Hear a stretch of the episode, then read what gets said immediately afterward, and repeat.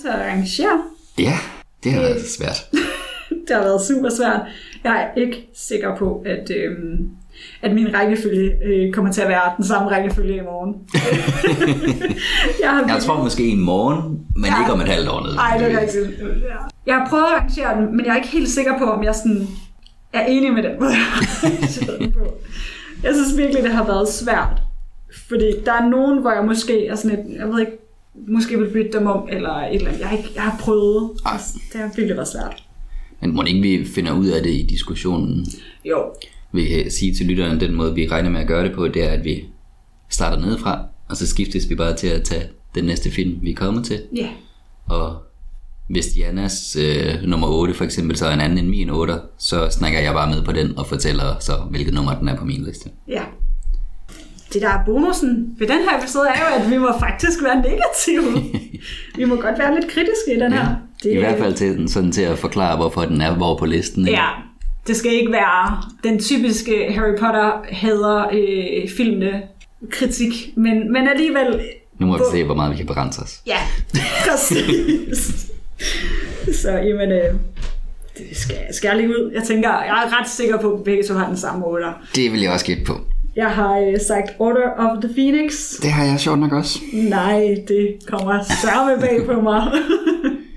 ja, Men skal vi starte med nogle af de gode ting? Ja, det kan vi godt. Jamen altså, jeg er især glad for den scene lige efter uh, Sirius er faldet igennem, uh, Ja. hvad hedder det? The Veil. Ja, det var det, det var. Øh, der er altså, jeg ved ikke, der er bare et eller andet over den, jeg synes er, er super, super godt. Øh, Og som også adskiller sig lidt fra bogen, ikke? Altså sådan ja. det der med at kunne arbejde med multimedia, altså at, at lyden også betyder noget, eller mm. manglen på den i virkeligheden, ikke? Og sådan, altså, ja, det er en rigtig fin ting. Og det der med, altså, at, at man, altså, fordi at vise sindstilstand kan være ret svært på, sådan at vise visuelt i noget, der er visuelt, altså, Ja. uden at vi skal til at have en, en altså have Harry, der speaker ind over og siger, og i det her moment følte jeg det her, ikke? Øhm, så, så det er egentlig meget godt vist ved at lave det til, altså, cut lyden, og så, øh, altså, den der kontrast til, at det så lige pludselig kommer igen, da han løber efter øh, Beatrix. Bellatrix, og Ja. hvordan kameraet øhm, hvad hedder det, ryster og, ja. og sådan noget. Øhm, så på den måde er det, er det meget godt lavet, synes jeg. Helt sikkert. Og i forlængelse af det har jeg sådan, min nummer et, jeg har skrevet, jeg har skrevet et udråbstegn bagefter også, det er duellen Ja, den er også mellem virkelig. Dumbledore og Voldemort, som vi også, det var noget af det, vi snakkede meget om i mm. afsnittet om den her film, at det er bare den duel, som alle dueller burde kigge på, og Ja. være lidt lige sådan. Ja, altså jeg tænker, hvis det havde været den første duel, man havde fået, sådan, for eksempel øh, den fra... Den på firen. Ja, jeg ved godt, det er jo heller ikke, fordi det er en sådan super duel i, i, i bogen. Men, men hvis der var gjort mere ud af den visuelt, så havde man nok også, altså så havde det nok været den standard, der havde været hele vejen igennem. Mm. Hvor at, at fordi det bare er femmeren, og det er to store troldmænd imod hinanden, så kommer den til at virke, altså det kommer til at virke ekstraordinært, fordi det er de to, og ikke, altså ikke som om, at det er sådan, at magi skal se ud. Ja. Øhm, Og det, fordi vi jo lige har haft den scene, hvor øh, Orden kæmper imod dødskardisterne, mm. og der skyder de jo bare med laserpistoler. Altså, ja, Øhm, men jeg har skrevet to andre gode ting. Mm. Øhm, det er Luna Lovegood, Ja. som jeg virkelig godt kan lide, og som jeg også kan huske at snakke en del om i det afsnit. Mm-hmm. Hun falder lidt fra i de næste film, hun er stadig ok, men, men i den her film får hun virkelig lov til at shine sådan Ja. i, øh, i, den, i introduce- introduktionen af hende. Ja, men det var også det, vi snakkede om, at hun får ligesom nogle af de der Lupin, Dumbledore visdomsmomenter. Altså for eksempel derude ved, øh, Til stralerne. ja, hvor der hun ligesom får sagt til Harry, at, at hvis jeg var Voldemort, ville jeg sørge for, at du, du følte dig alene. Ja. Øhm, som ligesom gør, at, at vi får, altså vi, vi får sådan lidt en, en, måske en lidt mere vis Luna, end den vi ser i, i bogen. Der er i hvert fald ikke lige så meget crazy, som Nej. der er i bogen. Der er måske mere sådan a method to the madness ja. i hende der i filmene, end, end der er i bogen. Øhm, og den sidste gode ting, jeg har skrevet, det er til stralerne, og det er meget sådan looket, som mm. jeg synes, at det har de bare ramt helt rent. Ja, fordi de er, sådan, de er creepy og... Men også majestætiske. Ja, præcis. Så De har, sådan, de har en god blanding ja. af det. Et godt mix. Øhm, hvis vi skulle se de dårlige ting. Ja. altså, for mig at se, så er det bare, altså, der er bare rigtig meget fra bogen, som de bare, altså ikke fordi, det er en lang bog, så den lider helt klart af, at det er en lang bog, som de ikke helt ved, hvordan de skal håndtere. Ja. Og jeg tror lidt, det er det, der er mit største kritikpunkt af den. Øhm, det snakkede vi også om i episoden, det der med, at det bliver meget montager. Mm. Øhm, og at, at man, altså man ved simpelthen bare ikke, hvordan man skal håndtere en, hvad, er det 900 et eller andet sider lang bog. Øhm, 924, så vidt jeg husker. Den oprindelige danske i hvert fald. sikkert rigtig nok. Øhm, men, men altså, og, og det er det, jeg sådan, virkelig synes, den lider under. Ja. Altså for mig er det også meget det der med, at, at hele midten er bare en lang montage. Mm. Altså, og vi snakkede faktisk om, kan jeg huske, at, at starten af, af filmen er faktisk helt udmærket. Mm-hmm. Altså den hopper lidt hurtigt over tiden på Grumstedplads, sådan, men, men Ja. der, der er rimelig mange gode ting.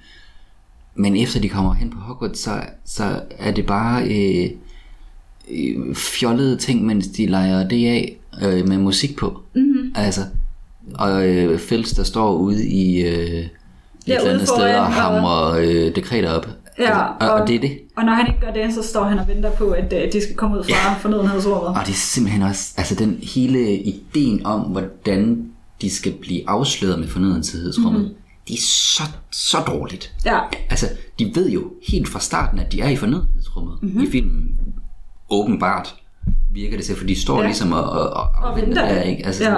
Og det, det, det er så forsimplet, og det er så fjollet mm-hmm. på noget, der ikke sådan er fjollet. Altså, der er jo fine fjollede ting i Harry Potter-filmene, men det der er bare sådan, det er så underligt. men også bare den måde, øhm, Umbridge i filmen finder ud af, at de laver det her øh, Dumbledore's armé. Det er jo, at hun står allerøverst i et tårn, mens Harry, Ron og Hermione går ind af hovedindgangen til gården og kan høre det. Hun står sådan, hvad, 20 meter over eller sådan et eller andet. Hun står virkelig langt væk og kan ikke, altså hun burde jo ikke kunne høre, hvad de siger. Men mindre hun, virkelig, altså, med mindre hun har fået fat i Ron Forlængelige eller. Fred, virkelig forlængelige ører. Og altså, det er selvfølgelig en mulighed, at hun har konfiskeret nogen og bruger det. det. Det skal jeg ikke kunne sige. Ja, men det er netop sådan nogle ting, der var sådan, altså, mm-hmm. Gør nu lige lidt mere ud af det. Ja. Altså, en anden ting, jeg også har, der irriterer mig ved den, det er, det er bare sådan, det er sådan en virkelig lille ting, og det er sådan en ting, at, at dem, jeg kender, der kun har set filmen, er vildt irriteret over, at jeg går op i. Øhm, men men i, øhm, under en af deres træninger med øh, Dumbledore's armé, der bruger de øh, Levi Corpus. Ja. Og den ved, altså den kender Harry ikke endnu. Det irriterer mig Og der så er en meget. rimelig vigtig pointe i, at han ikke kender den. Og i øvrigt, hvad fuck skal de bruge den til? Ja, altså, altså, det, den, den gør jo heller ikke det, den gør i bogen. Det, det får den jo til at hvad, svæve, flyve med noget luft under. Eller, sådan. den er vildt mærkelig i filmen. Ja. ja, og der er mange ting der. Altså, sådan hele Nevilles øh, udviklingshistorie, den er vildt god i bogen. Og den mm. tager sig tid om, at han bliver bedre og bedre. Ja. Og jeg, kan ikke engang huske, hvordan det men det er et eller andet pludselig sådan, Nå, ej, nu kunne du Ja, han bliver sådan det samme selv- Hermione, eller sådan Ja, noget. og han bliver jo selv sådan helt, what? Det kunne jeg pludselig. Ja. Altså, og det, altså, det er så pludseligt. Altså, der er ingen... og, det virker, og, det, altså, og det virker også bare som om, det tager enormt lang tid for ham at lære Expelliarmus. Ja. Altså det tager ham sådan et helt år næsten. Øhm, andre ting, jeg har skrevet ned, det er øh, hele ideen om, at en dementor kan give et jumpscare, er komplet idiotisk. altså, det giver ingen mening. De, altså, for det første, du kan jo mærke dem, når de kommer. Ja. Og derudover så er man, altså de er slet ikke beskrevet som noget, der sådan kan bevæge sig hurtigt på den mm. måde. De har sådan glidende bevægelser. Ja. Øh, andre ting, øh, det snakker vi faktisk lidt om i afsnittet. Øh, der er den scene, hvor Harry siger Umbridge imod, hvor øh, mm, I don't know, maybe Lord Voldemort. Mm-hmm. Øhm, og det er jo en fed levering, og det kan jeg også huske, Ja. jeg havde med. Men det er bare så god en scene i bogen. Og det er en ligegyldig scene i filmen. ja. Jamen det er det. Altså, Altså, han får slet ikke lov til at folde sådan sit quippy, sådan lidt irriterende, arrogante, men Ja. også ret seje, rebelsk øh, ud. Harry i femmeren er jo net, altså den mest sarkastiske Harry, vi ser. Ja. Og det får vi bare ikke lov til at se i filmen. Og det er sådan en skam, fordi altså, det starter, altså, første kapitel, hvor han ligger under vinduet og hører til, lytter til nyhederne, og Vernon spørger nu igen, og Harry sarkastisk svarer tilbage, ja, de ændrer sig jo sjovt nok hver dag. Ja, det er virkelig en god. Altså, jeg elsker det, og det er bare, altså, og så er scenen ligesom sat for, hvordan Harry er virkelig teenage træls Ja. igennem den her. Øhm, jeg bliver, jeg er, personligt, jeg er også lidt irriteret over, hvor, hvor lidt irriteret, altså hvor lidt sur han bliver over, at Ron og Hermione er i Grimmauld Place, og ikke har forsøgt at skrive til ham. Ja. Det bliver han bare sådan lidt, nå øv. Men okay så, over, ikke? Fordi Harry blev jo, altså i bogen, han bliver jo pissed. Ja, ja. Så det, Og han er det også lige kort, men Ja, men så er han sådan, nå øv, jamen, lad os nu bare være venner igen. Ikke? Altså han er jo virkelig sur på dem over det, og det er en af de ting, der sådan lidt går igen med, at Harry føler sig alene på, altså, igennem meget femmeren. Mm. Fordi at han jo hele tiden bliver holdt udenfor på en eller anden måde. Mm. Ikke? Altså, det kommer jo også, altså den scene er ikke med, altså at St. Mungus ikke er med også i et, ja, det snakkede vi om, så vidt jeg husker. Der Ja. var det uden for mikrofonen, det kan jeg ikke lige huske. Det forstår jeg simpelthen ikke. Altså, det er så gode scener, og, Præcis. altså, så, og så vil det også bare passe rigtig fint ind mm-hmm. i filmen. Og sådan, altså, en ting er, at man ikke får, øh, hvad hedder han, ham fra Toren, Glitter ikke smørhav? Glitterik smørhår med. Det er ærgerligt, for det kunne have Ja. været sjovt. Men det, at man ikke får Nevilles forældre med, det, det forstår jeg simpelthen ikke.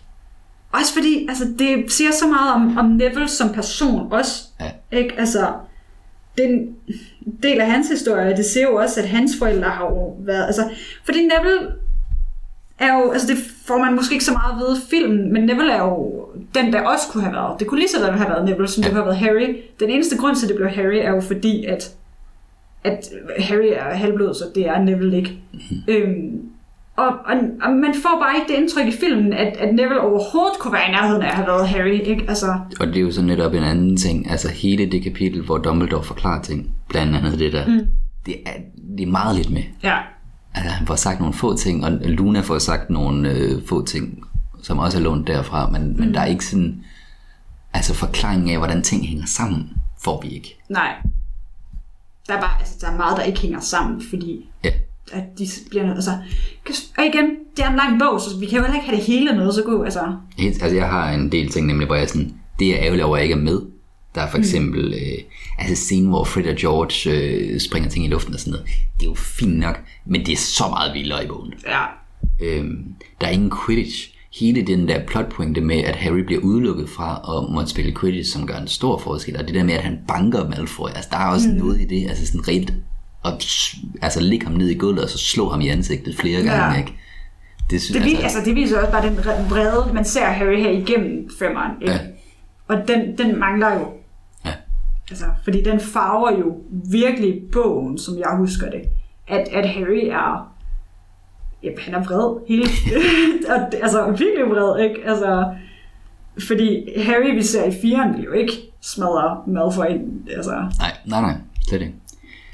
Lige til sidst har jeg to ting, jeg er sådan detaljer, som jeg er ekstra sur over. Skal vi lige ja, lad os bare tage dem. Øhm, det er sådan rundt omkring scenen nede ved The, Way, the Veil.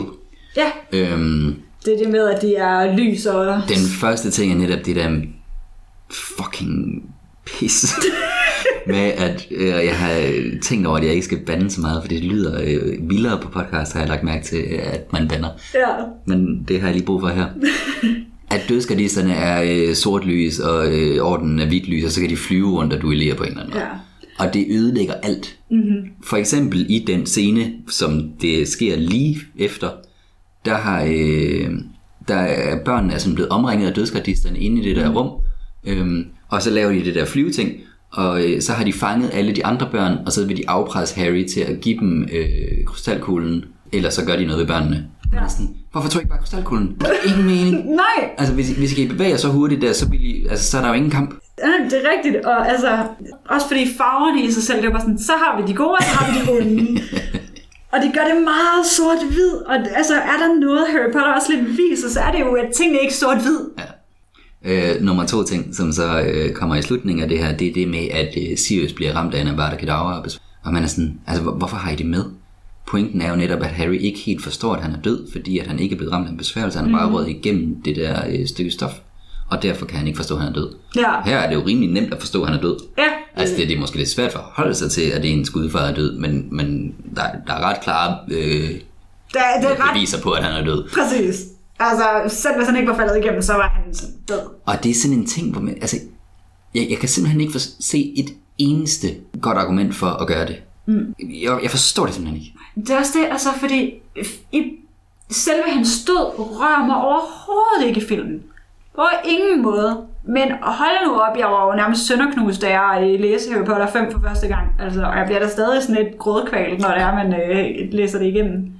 I øvrigt også ærgerligt, at man ikke får alt det andet nede i øh, ministeriet med. Ja. Det er lidt mere forståeligt, fordi det har taget lang tid. Ja. Men der er bare nogle rigtig fede rum, som de er rundt i. Der er det der med, med hjernerne. Ja, for eksempel. Det kunne man virkelig lave hyggeligt. Det kunne man, altså. Der vil, vi, vi, når der nu bliver lavet en tv-serie på et eller andet tidspunkt, ja. lang tid. Altså, så, så det afsnit, hvor de er dernede, det bliver pisseuhyggeligt, og det bliver fedt. Det gør det. Helt sikkert. Det vil, vi, det vi glæde os til.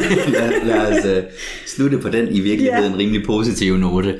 Præcis, inden vi, inden vi går alt for meget øh, negativt. Jamen, øh, Skal jeg tage min syver så? ja, det synes jeg. Jamen, øh, det er faktisk øh, Deathly Hallows part 2. Nå, jeg har Deathly Hallows part 1. Sjovt. Som øh, vi lige har snakket om i afsnittet tidligere, som Ja. vi optager her samme aften.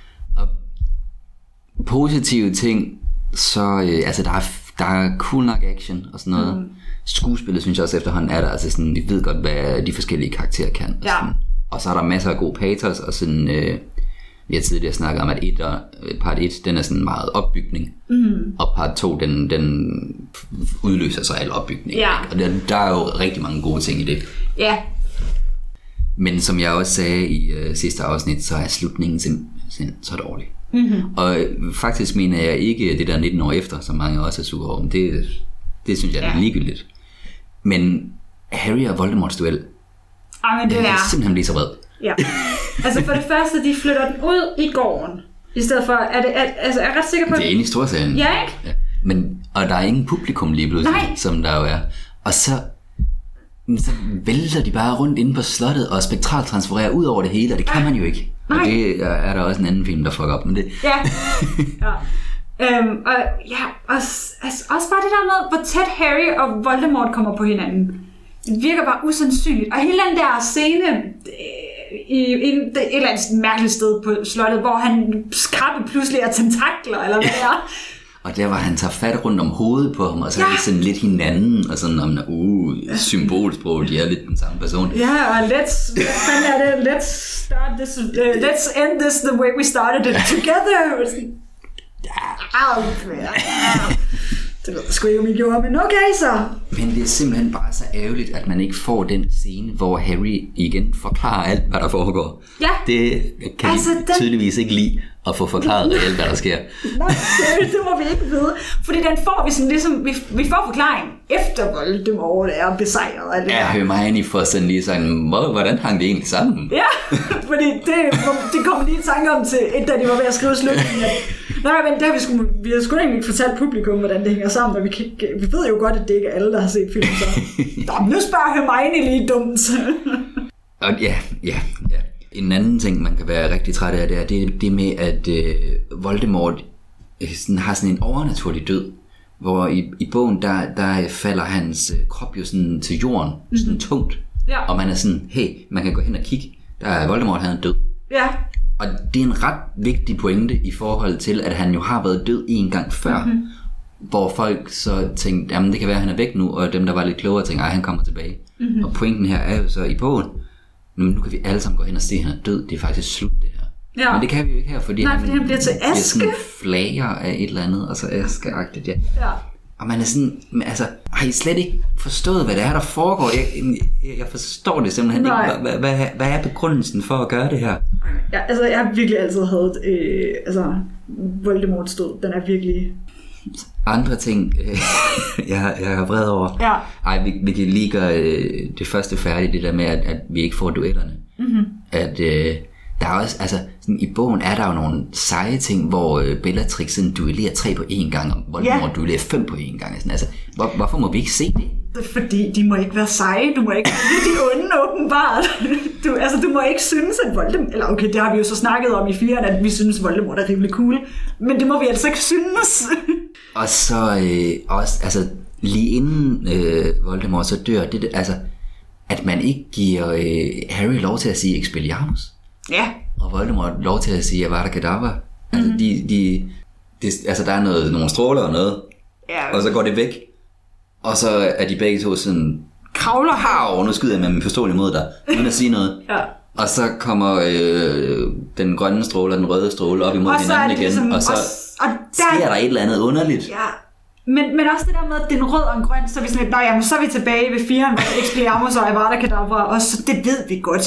Det, det er lidt det der med, at det bliver, de henter til, at det er det, men de gider ikke rigtig sige det, fordi det er åbenbart unødvendigt. Ja. Øhm, ja, så som jeg fik sagt i sidste afsnit også, tror jeg lige kort, så, så forstår jeg ikke, hvorfor øh, Harry han skal snakke med Ron og Hermione, inden han går ud i skoven. Der er en Nej. rigtig fin pointe i bogen om, at det ville han aldrig kunne, kunne bære, fordi hvis han så dem, så ville han aldrig kunne få sig selv til at gå ud i skoven. Mm. Det er Steve Close og David Yates tydeligvis uenige i. Jeg tror, det er det der med, at, at vi skal ligesom se, at de prøver på, eller øh, okay, når jeg siger de, så mener jeg Hermione, prøver på at, øhm, hvad hedder det, overtale Harry til ikke at gøre det. Altså, Ja. Ron er sådan lidt, ej, er du sindssyg at gå ud i skoven, mand? Hvad fanden laver du? Det er sådan basically hans modargument. Øhm, og Hermione, sådan, som den eneste af en eller anden grund, øhm, siger, at "Jamen, så går jeg med dig. Ikke? Altså, at det, der skal åbenbart lige være den der med, at de kan ikke være bedste venner, uden også lige at skal, skal prøve at tale ham fra det, og sige, at de går med ham. På det Præcis, lidt- og, og det er jo altså, det er så tydeligt sådan, øh, i bogen, Jesus referencer, at han skal gå sin egen vej derud, Ja. og, og i forhold til alle bøgerne, hvor han er blevet hjulpet, nu er han nødt til at gøre det selv, mm. og han kan kigge ind i storsalen og se, at de alle sammen, måske ikke har det godt, men, Men der er de- en eller anden form for fællesskab, og sådan, og han er nødt til at være alene, han er nødt til at gøre det her selv, Præcis, og, at, altså, og og også den det pointe dør. Ja, enig. Og øh, hvis vi lige skal køre lidt videre i den scene, så øh, lige efter et af dine øh, gode punkter i øh, sidste afsnit, øh, hvor han forklarer øh, øh, Ron og Herm- Hermione det, som han jo så er nødt til, fordi han møder dem ikke. Mm-hmm. Og så får han sådan sagt, jeg har, tror, jeg har vidst det i lang tid, og det har du sikkert også til Hermione. Ja, sådan, og som sådan, om, at- hvordan skulle hun vide det? Ja. Og, og, det, og igen den der med, ja, ham og Hermione er bare meget tættere end Ron. Ja. Og sådan, og er sådan, Og, altså, men det er jo bare en generel kritik, altså overordnet af filmen. Ikke? Det er det der uh, Harry Hermione ting, de har lavet der, som om at Ron han ikke, altså... Ja, jeg vil så sige, efter sådan at have, have lyttet til podcasten her i den sidste tid, sådan, vi snakker rigtig meget om, hvor, hvor nice Ron er faktisk. Ja. Altså, Ja, altså, det er Ron er også. rimelig cool i nogen, men det er også fordi, vi lider meget efter det måske. Ja, der, fordi i filmen, der er han mest bare Harrys dumme ven. Der mm. sådan, Ja, men jeg synes jo så alligevel, vi har fundet ud af, at i hvert fald i øh, 6'eren og 7'eren par, Ja, ja. at der er han jo faktisk ret men, nice. men hvis du ser i forhold til altså 7 ud af 8 film, så er det måske ikke vildt meget, han får lov til at være en... Det er en pointe. Men ja, det er i hvert fald, altså Harry og Hermione har de gjort lidt for gode venner i filmen i hvert fald. Ja, så øh, jeg kan slutte på... Øh, jeg ved ikke, om det er en lille smule kontroversielt. Jeg tror i hvert fald, der er nogen, der er uenige med mig, mm. at øh, Neville, han er... Jeg, jeg, jeg har lige hørt øh, vores afsnit nummer 7, hvor jeg sagde, at jeg glædede mig til, at Neville var sej i 8'eren. Øh, det tager jeg tilbage. Trækker du i dig igen? Fordi han er alt for cool, og øh, kan bare alting. Og mm-hmm. altså hele den der tale til Voldemort, den er der jo ikke noget af i bogen. Altså der løber han bare head first ind i Altså det er modigt og sådan noget, men, Ja, ja, men det, er ikke, det er ikke så... så øh, han er ikke så overlegen og så, øh, mm. så, så veltalende og sådan. Det virker også som et øh, ikke særligt Gryffindor-move at begynde at holde sådan en tale, gør det ikke? Altså Gryffindor, altså for mig, er jo sådan indbegrebet af Harry, altså Head first. ja, head first, uden at tænke over noget som helst, Ja. ikke? Altså, så må vi deal med konsekvenserne bagefter. Helt sikkert. Og der, der er sådan et særligt klip, hvor han, sådan, han er blevet slået ud af Voldemorts besværgelse. Ja, hvor det hele foregår i slow motion bag ham, da han vågner op. Ja, netop da han, han, vågner sådan, som om det er en tegnefilm. Ja, Og sådan, øh, jeg er da sådan lidt dizzy. Og så får Man masse ting i forventer- slow ja. man forventer det, Nogle de der fugle. eller det. Ja. Og så den aller sidste ting, som er pisse irriterende ved Neville i den her film, det er det der med, at han så lige pludselig vil være kæreste med Luna. ja, det kommer man sådan out of nowhere. De har ikke haft noget med hinanden at gøre i filmene. Ingenting. Åh, oh, det er ikke noget. Og det er bare sådan en, en de to underlige kan også være kærester. Ja, Jeg, jeg, synes, det, det, det, det er næsten sådan lidt provokerende, at der er simpelthen mange af de her ting, vi har snakket om, at, at det, det går bare sådan meget, meget direkte imod, hvordan bogen er. Altså, Ja. en ting er at udlade nogle ting, det, det er jo fair, det er man jo nødt til. Ja, ja, fordi Men du kan jo ikke have det hele med. Nej, men der er taget så mange valg. Der er nogle af det modsatte af bogen, og andre er i hvert fald meget anderledes. Mm. Og altså, altså, det har vi jo også snakket lidt om, det der med, at det er okay at altså, gøre noget anderledes, hvis det virker. Altså, vi snakkede om det i forbindelse med femeren, øh, tror jeg det var, at, at nej, eller så, det kan også være, det var firen, men at, det var firen, var det, at, øh, at, at Neville får ligesom Dobbys rolle, Ja. øh, men det fungerer. ja, Ikke? Øhm, det går ikke ud over nogle andre plot point, Nej, pointer, præcis. for eksempel. Altså, hvis, hvis, hvis det er det, så er det fair nok. Så kan jeg leve med det. Altså, jo, okay, så kan man måske blive sådan lidt... Men det er i bogen, der er det sådan her. Men man kan leve med det, ikke? Jo, jo. Øhm, men, men, men det er altså... Når det går direkte imod altså, bogens pointer, så... Øh, Og det er i virkeligheden mange af de ting, vi har snakket om, er jo helt til sidst i den her film. Ja, altså Øhm. en anden ting, man, altså, det nævnte du lige kort øh, med Deathly Hallows part 2. Øh, jeg kan jo sige, at jeg er biased, men at sende alle Slytherins ned i ja. The Dungeons. Åh, oh, det er sådan en ting, hvor man er sådan, har I læst bøgerne? Ja, Fordi jeg, jeg forstår slet, altså det, det, går, det går direkte imod alt, ja, hvad der foregår. ja. Enig. Altså, øh, altså, jeg... Fordi det er en sjov, sådan, haha, Slytherins er onde, ikke? Øhm, men, men hvis man virkelig sådan ser på, at altså, pointen med hele det her med, at, at for eksempel, at McGonagall offer lige 100 børn. Ja, og altså...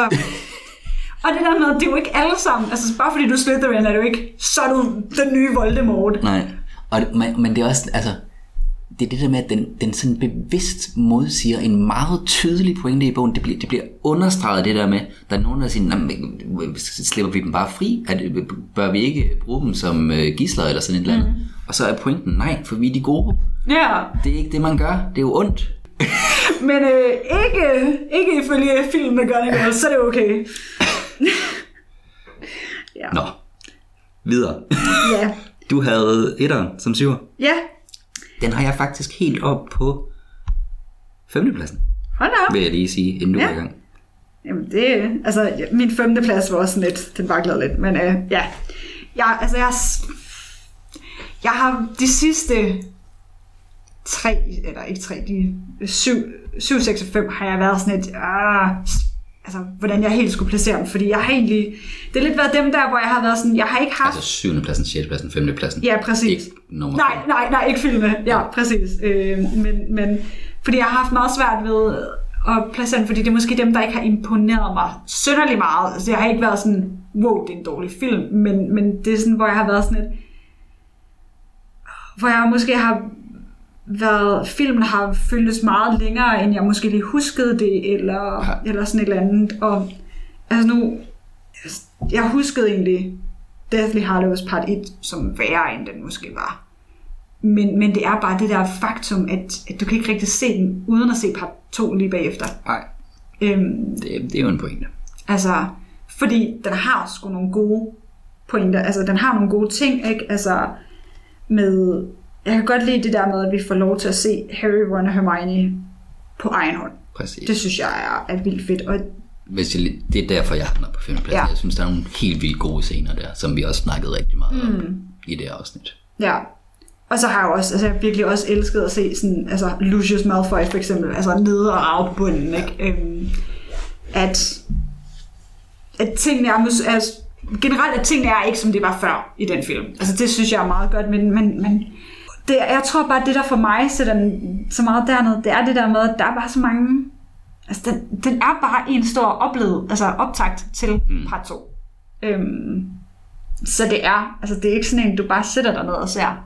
Nej, og, det, og det er jo også helt rigtigt. Altså, for mig er det det der med, at, at der, er, der er dansescenen, og der er der, hvor Ron og Harry snakker sammen i The Burrow, og mm. der er, da Ron kommer tilbage fra at have været væk. Ja. Det synes jeg er nogle af de særligt øh, Harry-Ron-forholdet, men i det hele taget træenigheden, det synes jeg er nogle af de bedste scener i, scener i alle filmene med mm. dem. Og, og så er jeg enig i, at sådan, som en samlet pakke som film, at det, er det sådan lidt lala, og i forhold til, at den ja, den hænger bare sammen med den anden så meget. Altså sådan, så det trækker ned. Men, men der er nogle ting, som jeg så også synes er noget af det bedste i hele serien. Mm. Og det hiver det sådan lidt op for mig. Ja. Men det giver også meget god mening. Øhm, Skal vi gå i gang med ting, vi er sure over? lad os det. Jamen, vi kan starte med, at Ron tager afsted. Øh, Ja, der, hvor han, han er meget hård, og sådan får øh, sagt til Harry, øh, you have no family. Og sådan, altså, Ja. der, der, der er ikke... han tager den lige et ekstra skridt, Ja. i forhold til, hvad han gør i bogen. Øhm, og det bliver ikke på samme måde understreget, det der med, at han sådan, hvor meget han gerne vil tilbage lige med det samme. Ja. Og sådan, ja, der er, jeg ville ønske, at jeg havde set den lidt mere øh, for nylig, fordi Ja. så ville jeg komme med nogle lidt bedre eksempler, men, men, men der er noget der, der, der er simpelthen, der ikke er godt. Ja. Øhm, så en anden ting med Ron, der er lidt irriterende, øh, nu roste jeg ham så meget, da vi havde afsnittet, øh, men, men det er, at han, han bliver slet ikke, øh, han er slet ikke nok op at køre, da Hermione bliver tortureret. Han er jo altså ved at gå fuldstændig ja. amok i bogen. Han, han er Men han prøver, altså, han, han, han er jo... Altså, sådan som jeg husker det fra bogen, så prøver han jo altså, nærmest at bryde ud, før de overhovedet har en plan om, hvordan de kommer ud. Ja, ja, og Harry skal have ham ned på jorden, for at de kan snyde, øh, hvad hedder han, ormehale. Ja, Øh, en ting, der så heller ikke er med, det der med, at hans øh, hånd, som han har fået af Voldemort, øh, kvæler, ham ham, som er selv. en vildt god detalje. Ja. Og, som, og det er så fjollet, at han bliver han slået i hovedet. Men, ja, Dobby har gjort et eller andet, og så rammer Ja. han det ham i hovedet, og så... bum, så er det det. Vi ved ikke engang rigtig, hvad der sker med ham. Han er bare, så forsvandt han. Øhm, men, men det der med, altså sådan, der kan man virkelig mærke i bogen, at, at Ron er, øh, er forelsket i Hermione, eller, og at, Ja. at han, at han, han er, han er, han er helt ude af skide, altså han, han er helt, helt væk. Jeg, jeg, jeg Ja. kan ikke få det formuleret ordentligt, men, men det, det bliver bare sådan lidt ligegyldigt i filmen. Mm-hmm. Altså sådan, og, jamen, det er da ikke godt, og hun skriver mudblot i armen på hende og sådan noget, Ja. men man er aldrig sådan bange for, at der sker noget. Nej, det er sådan lidt, fordi hele torturscenen, den virker sådan lidt, meh. altså, det er sådan lidt, ja, så skriver hun mudblot på armen, men altså, jo, det bevares, det, gør, det er jo ikke rart, det gør jo ondt, men altså, jeg vil jo ikke kalde det tortur. Nej, Altså, sådan lidt en øh, tatovering 2,0. ja, præcis. Det er jo ikke, altså, det er jo ikke, altså, jeg havde forestillet mig, jeg ved også godt, det er nok også det der med, det er en familiefilm og, og sådan nogle ting. Så vi skal også passe på med, hvad vi gør og sådan noget. Men Men man kunne godt have skruet op alligevel. det kunne man. Altså det kan godt være, at det så ikke ville være helt som i bogen, men man kunne Ja. godt have været tættere på. Ja. Altså, det virker, det virker bare vildt fesen. Ja. Hvis vi skal øh, videre til nogle andre ting, mm-hmm. så har jeg for eksempel et, hvor der sådan er en, en logisk ting, der sådan er lidt dum. Ja. Øh, og det er den måde, de bliver fanget på. Hvor man, altså... I bogen, der er det jo fordi, at der er øh, tabu på øh, Voldemort, og Harry Ja. ja. kommer til at sige Voldemort, og så kommer øh, Snatcherne og fanger Ja, ja. Her, der er det, øh, hvor de har lige fået, nej, hvad fanden, de har, de har lige gjort et eller andet, Ja. Og så transfererer de sig hen i en skov. Har de ikke lige været ude ved... Øh, de, har lige, har de, de har lige været ude ved Luna. Præcis. og så er det Hansi og Voldemort. Og så transfererer de sig ud i I en skov. skov, ja. Og så er der nogle snatcher der. Sådan helt Fordi- tilfældigt. Øhm, og jeg kan ikke, altså, måske er pointen, at de sådan på en eller anden måde har kunne spore dem, fordi de var tæt på dem, da de transfererede. Mm. Det ved jeg ikke. Det er der ikke Nej. nogen, der ved, fordi det bliver i hvert fald ikke for, sådan, Nej, det bliver ikke nævnt. øh, formidlet. Øhm, Generelt også bare det der med, at der er, tabu, altså, der er den der tabu på, på vold, ordet Voldemort. Det, altså, han siger bare Voldemort, og så er der pludselig så er der kaos. Og man altså, medmindre du har læst bogen igen. Ja. Og der er jo også, altså, der er også en pointe derude ved øh, Lunas far, at der gør de jo noget ud af i bogen, at, at øh, dødskardisterne ser dem, sådan mm-hmm. så at de ved, at han ikke har løjet, fordi Ja. det er ondt af ham. Det har de ikke tid til. Nej. Øhm, da de så, snatcherne der, har opdaget dem, fordi de har transfereret sig hen lige ved siden af dem, så begynder de at løbe. Men sådan, altså, spektral transferere et eller andet sted hen. Ja. Har I ikke en aftale om, at hvis I øh, er i knibe, så transfererer I det samme sted hen? Det, det ville være rimelig oplagt, og det har Hermione helt sikkert tænkt på. Helt sikkert. Men det er lidt federe bare at løbe ud i en skov, fordi det giver nogle fede tracking-billeder. Eller, Ja. Altså, det er, jo, det er jo ikke det. Altså, det er jo en fed nok scene et eller andet sted. Ja, ja. Altså, men, men ja, det er rent logisk, så giver det absolut ingen mening. Jeg er vred over nogle flere ting. Øh, jeg glemte, i, øh, da vi snakkede om Deathly Hallows 2, mm-hmm. øh, at, at sige noget, men det er så i virkeligheden, fordi det, der mangler i toren, det er paybacket for det, der mangler i 1'eren. Nå, Og det er, at Creature ikke er med. ja, ja. Øhm, og et af mine yndlingssteder i øh, Deathly Hallows-bogen, det er der, hvor øh, Creature øh, bliver en del af kampen på Hogwarts. Ja, men Creature får jo slet, altså okay, altså man kan så sige, at han har heller ikke rigtig noget at blive, få en redemption for, men han får ikke sin redemption, for, altså, Fordi han ikke rigtig er med i den her film. Altså, det der med, at de... Øh, ja, de er jo på Grumsted Plads, men Ja. altså der, i bogen, der laver han jo mad til dem, og de har sådan nærmest et familieliv, imens de Ja. planlægger. Og man Og får det- slet det- ikke planlægning med. nej, men der er også det der med, at du får slet ikke hele historien om, hvordan han hjalp Regulus med, altså hvordan at han ligesom var en del af den der locket. Det bliver sådan, man ved godt, det er lidt... Ja, ja, men altså mere bare, at altså, du får at vide, at, at Regulus giver ham den der locket, men der er jo også hele det der med, at, at øh, var det, der var et eller andet, der var sådan vildt tragisk, jeg kan ikke helt huske det, øhm, sådan, hvor man virkelig fik ondt af Creature i forhold til det der, jeg tror det var fordi Voldemort skulle prøve den der elixir, eller hvad det er, i, i Karl øh, på nogen, og så bliver det Creature, fordi Ja, det er han rigtigt. var, og hvor man faktisk får ondt af Creature, Ja. som sådan gør, at lige pludselig så bliver Creature sådan helt nærmest menneskeliggjort, ikke? Ja. Altså, Og så får han bare den helt perfekte redemption mm. i øh, slaget der til sidst, hvor han styrer alle husalferne fra køkkenet. Ja, sådan. og Og altså, jeg er også godt med på, hvorfor det ikke er med, men det er simpelthen bare så ærgerligt, Ja. synes jeg. Det, det er virkelig en af de, de gode ting, synes jeg. Mm-hmm. Så da de får øh, Dumbledores øh, arvestykker af Scrimgeour, der er de slet ikke rebelske nok. Altså, de, de sviner ham meget mere til i bogen, og det, det synes jeg er nogle af de fede scener, det der, hvor der sådan... jeg kunne lige, du siger, at de sviner ham meget mere til i bogen, de sviner ham ikke rigtig til i filmen. Nej. Præcis. øhm, og så den aller øh, værste ting, som jeg også har sagt før, det er Mad Eyes stav. Ja, den, den er vi ikke sådan vildt glade for. Og det, det er igen sådan en ting, hvor jeg, jeg forstår simpelthen ikke, hvad det er, de har tænkt. Nej. Altså, har øh, Brandon Gleeson, gider han bare ikke tryllestave, eller... Ja, altså, det virker bare... Jeg ved ikke, altså har de bare tænkt, at han er sådan en, en gut, der har, han har sådan, mangler noget af et ben, og øhm, han er, sådan, han er lidt faldefærdig, fordi han har kæmpet mod så mange dødskedister. Han kan ikke rigtig gå, så vi giver ham en stav, og så kan jeg selvfølgelig godt se, det måske- så det, hvis man har sådan en, så kan det også være lidt svært at holde fast i en tryllestav, så vi gør det til tryllestaven. Er det, er det den logik, de har, eller hvad? Men bare sådan helt... Altså, og det er jo ikke fordi, det er vildt vigtigt, at de laver de rigtige bevægelser, når de laver øh, besværgelser og sådan noget. Men den måde, han, altså, han banker den bare ned i jorden, og så er der besværgelse. Der er, sådan, øh, er det sådan en Gandalf-ting, eller sådan noget? På en eller anden måde, ja. Og i det hele taget, den der scene, efter de har taget Polyjuice øh, elixir, så er der først det der med, at, at øh, at Harry og øh, Hagrid, de øh, er sådan lidt efter de andre. Det er for det mm. første dumt, de burde nok flyve op på samme tid, ikke? For det er lidt som pointen. ja. Men så er Mad Eye der også alene. Altså, hvor er Mondagens Fletcher? Det er Ja. meningen, de skal være sammen, fordi det skal se ud som om, at de hænger sammen. Men han er Ja. bare sådan, om jeg er underlig og ligger ned på min kost. Jeg skulle lige sige, at han ligger nede på kysten. Hvilket i sig selv er mærkeligt. Øhm, men, men også det der med, det ødelægger også pointen i, at Mondongus flygter, da de ser Voldemort, fordi han har jo ikke været der fra start af. Sådan et, altså, det, fordi hele pointen med de der syv Harryer er jo, at de alle sammen skal, hænge, altså, skal følges ad og hænge sammen, fordi at Harry vil ikke smutte fra sin follower-ting, og hans beskyttere vil ikke skride Ja. fra ham i nødsituationen, ikke?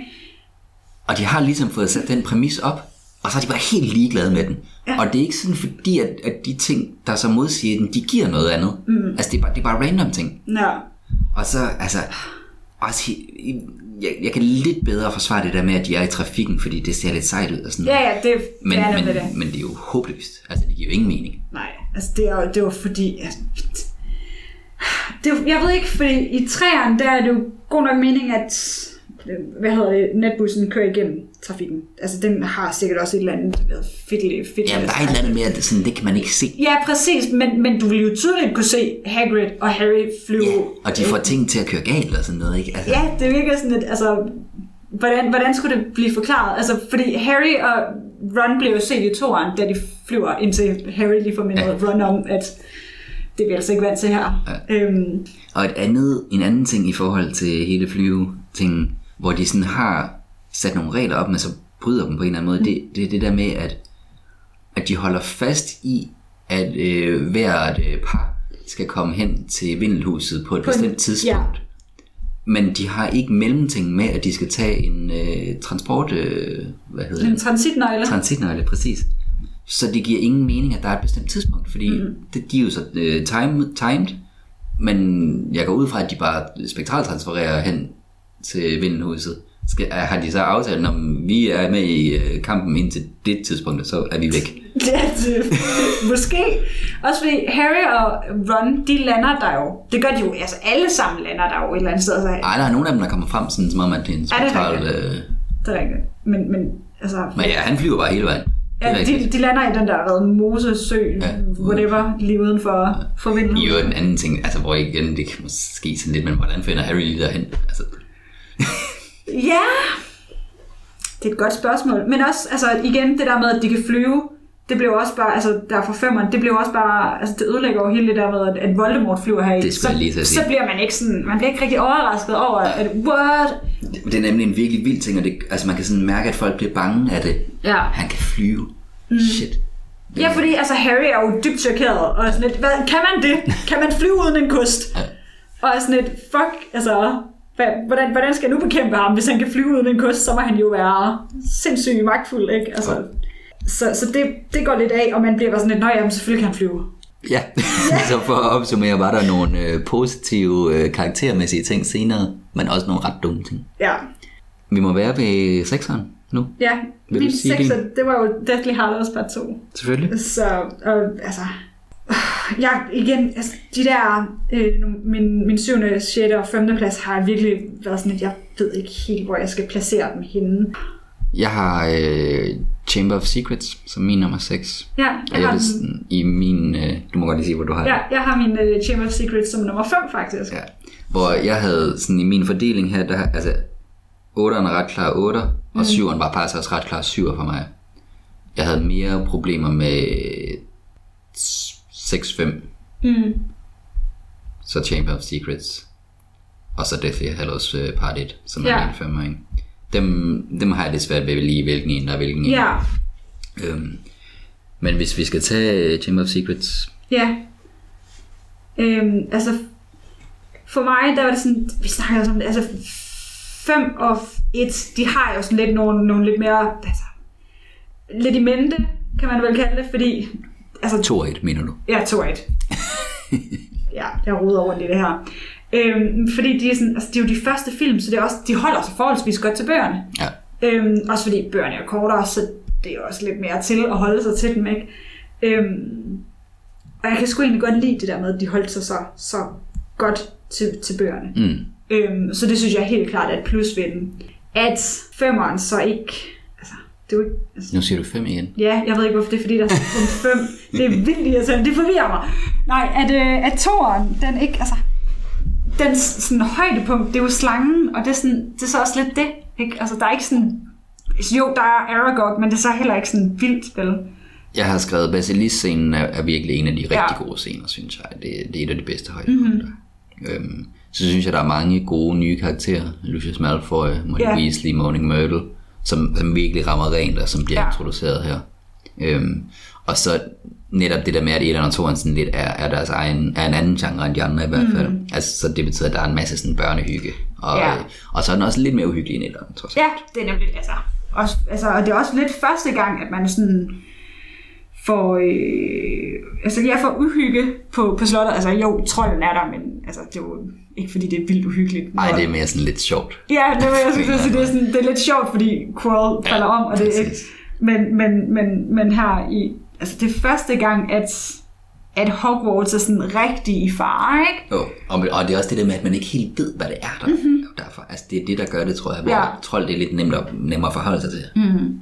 Og jeg synes egentlig, det er lidt hårdere for mig ved at lægge den på 6'eren, det er, at jeg kunne faktisk ikke finde på så mange dårlige ting. Nej. Men den var for lang, Ja, og det synes jeg var lidt paradoxalt, fordi selvom den var ret tro til bogen og havde mange ting med, så har den for eksempel ikke dødsdagsfesten med, som mm. var en ret fed scene. nej. Og, og vi mangler også lidt det der med, hvor isoleret Harry faktisk bliver efter, at han ligesom bliver anklaget for... Ja. Øh, fordi vi får lige den der i storsalen, eller hvor det er, de laver deres lektier, øhm, Ja. hvor det er, at at han går, fordi folk kigger lidt mærkeligt på ham, eller sådan et eller andet. Ja, ja. Ikke? Altså det er sådan det eneste, ellers så får man egentlig ikke sådan helt et indtryk af, hvor meget det der, at Harry bliver anset som værende øh, Slytherins arving, det påvirker ham. Nej. Øhm, og påvirker resten af skolen. Mm. Men der, altså, der vil jeg så sige modsat nogle af de andre, sådan, altså, der, der er slet ikke, nu er det også fordi det er lidt tid siden, jeg har set den, mm. vil jeg godt indrømme, men, men der er ikke sådan ting, jeg på samme måde er vred over, Nej. som jeg er ved dem, vi har nævnt, Nej. og som jeg også er ved nogle af dem, jeg har sat højere i øvrigt. Men samtidig er den også måske den kedeligste. Ja, det er nemlig det, fordi det er det, der trækker en ret meget ned for mig, det er, at den er, altså, jeg havde tidspunkter, hvor det var, at jeg må, må indrømme, at jeg virkelig lige nåede at tjekke, nåede at gå ind i på Instagram og skynde mig ud, fordi jeg skulle lige fokusere, ikke? Fordi den er, altså, den er for lang, og der, altså, der er for meget stillstand, uden at det sådan, som sådan er stillstand, men bare hvor det er, det er ligesom, at den træder i vandet. Ja, helt sikkert. Helt sikkert. Så jeg tror, det, altså, det er klart derfor, den kommer sådan, så lavt. Ja. Fordi ellers, altså historien i sig selv er jo rigtig, rigtig ja. god. Så har vi været igennem de fire nederste, Ja. begge to, ikke? Og det har været de samme film. Ikke på de Ja. samme pladser, men de samme film. Det er alligevel meget sjovt, at Ja. der trods alt er den overensstemmelse. Mm-hmm. Så så er det top 4 nu. Yes. Skal jeg starte? Ja, det kan du godt. Jeg har øh, Goblet of Fire. Ja. Jeg har Goblet of Fire har jeg som nummer tre. Ja. Jeg kunne... Nej, det er for det får vi at se. Hvordan, øh, om det er den samme, vi så har byttet rundt. Ja. Øhm, noget af det fede ved Goblet of Fire, det, var, det synes jeg er øh, Mad Eye Moody-karakteren. Mm-hmm. Han er pissegod, og særligt den scene, som jeg også snakkede om i det afsnit, hvor han introducerer de tre øh, forbudte besværgelser. Ja, de uh, Unforgivable Curses. Præcis. Jeg kan ikke huske, hvad de hedder på dansk. Utilgivelige forbandelser må de vel hedde. Ja, det hedder de nok i virkeligheden bare. Det er bare en virkelig god scene, Ja. og i det hele taget, selvom det jo selvfølgelig ikke er Moody, så er det en, det er en virkelig god introduktion af den karakter, og han er virkelig god, mm. udover når han så har sin stav senere. Ja. Og som vi så var meget enige om, og har brugt rigtig meget tid på i det afsnit, så hele slutscenen om Voldemort vender tilbage, og det, altså det er Ja. måske det bedste i alle filmene. Ja. Det er i hvert fald tæt på. Altså, fordi for mig i filmen, der er helt klart Voldemort, der er hoved, altså der sådan er højdepunktet. Ja. Øh, Voldemort og, og hele hans, øh, hele den der grav, det hedder det ikke. Øh, Jo, gravscenen. Ja, gravscenen, det er bare, ja. øhm, det, det er klart et højdepunkt, øh, højdepunktet for mig. Ja. Øhm, også fordi Ralph Fiennes er en virkelig, virkelig god skuespiller, og gør det virkelig eminent som, øh, som, som Voldemort. Meget enig. Og øh, altså Voldemort er jo en, altså, han er, altså, han er uhyggelig. Men, men man får bare tilført et eller andet ekstra til ham i filmene. Ja, han Fordi- er sådan en dragende, ekscentrisk et eller Ja. andet sådan der. Eller. Altså, man, man, man begynder lidt at forstå, hvorfor det er, folk vil følge ham. Ja. Det er fordi, det har man måske lidt svært ved at se i bøgerne ja, som Ja, sådan. det er i hvert fald på en anden måde. Men også fordi, altså det er jo nok også det der med, at vi ser det, altså det gør vi jo stadigvæk også lidt fra filmen, ikke? Altså vi ser det fra Harrys sådan, synspunkt, så selvfølgelig skal vi heller ikke synes, at Voldemort er super nice. men, men jeg synes bare, der bliver tilført et eller andet ekstra, som gør, at man, man måske lidt bedre forstår, hvorfor det er, folk har valgt at følge ham. Helt sikkert. Og så er det bare en vildt flot scene. Altså sådan, særligt hans tilblivelse er, er virkelig god. Virkelig, virkelig flot. Ja. Og så er der jo, der er jo en del andre sådan mindre ting, men jeg synes, de to ting er helt klart de to store ting at tage Ja. med fra den her. Enig. Hvis jeg så skal være sådan lidt kritisk, så synes jeg, jeg synes ikke nogen af øh, udfordringerne, eller hvad det er, de kalder dem, de der tre ting i Ja. turneringen, jeg synes ikke, der er nogen af dem, der rigtig rammer. Mm. Jeg synes, det med dragen er cool nok, og øh, de udnytter øh, det visuelle ved at hive den ud på slottet, så Ja. sådan, selvom det er, det, er ret, det er en ret stor ændring for bogen, men, men det ser fedt ud og sådan noget, men, men det er ikke, du får ikke sådan helt, øh, det der jo er pointen, det er, at Harry er pissegod til at flyve på kost, Ja. og det får du ikke med, Nej. når du så gør det. Altså fordi der er han mere sådan bare sådan lidt heldig. Ja, præcis. Og jeg kan, det kan jeg også godt lidt se, fordi det er lidt svært at visualisere, at han er god til at flyve på kost. Ja. Ja, det er, det er svært. Øh, men det er lidt ærgerligt. Og så er der øh, øh, scenen under vandet, mm. og den er okay. Altså den er, den er visuelt ret flot, Ja, det er den. Er, Øhm. den har de fået, den er de sluppet godt fra med at lave visuelt i hvert fald. men der er måske ikke sådan helt de samme udfordringer er ikke helt de samme Nej, fordi det virker, lidt, det virker lidt for let at komme hen til, Ja. til det, ikke? Altså, Han kommer meget hurtigt derned. Præcis, der er jo alle mulige forhindringer, for eksempel de der Grindelwalds og Ja, andre vanddyr. ja, andre. Hvad der nu ellers lever nede i den der sø. Ja. Så ja, der er helt enig, det virker lidt for let til at starte med. Og så er det først til sidst, de der Grindelwalds øh, får angrebet ham. Ja. Så på den måde de, de er jo begge to okay. De er bare ikke sådan helt De- op til det, man forestiller Nej, sig. præcis. Altså, de kunne, der, kunne lige være gjort lige lidt ekstra. Ikke? Og så synes jeg, at labyrinten er meget skuffende, modsat de to andre. Virkelig, fordi der er jo ingenting, altså det er jo bare, altså, det er jo bare labyrinten i sig selv, der er farlig. Ja. Og ikke, de, altså, der er jo ikke nogen udfordringer som sådan, det er bare, pas på, hækken den ikke æder dig. Løb hurtigere end de andre, eller Ja. altså, og være heldig. ja, Altså, hvor, præcis. hvor, altså, hvor de kæmper jo mod ting i bogen, og sådan, og Ja, og, skal, og der er hele den der svensk, ikke, hvor det er, at Harry skal svare på en, på en gåde for at komme videre. Og, præcis, og de kæmper mod futskolopendlerne. ja, og, og, som jo så heller ikke er blevet introduceret. nej, nej, så, så på den måde. Men, men, men bare generelt, der er bare... Altså, Der er også en øh, Bogart dementor, er der ikke det? jo, der er en Bogart, ja, som så bliver... Bliver en dementor for Harry, Ja. selvfølgelig gør han ikke for dem alle sammen. Men, men det, igen, det virker bare for let. Ja.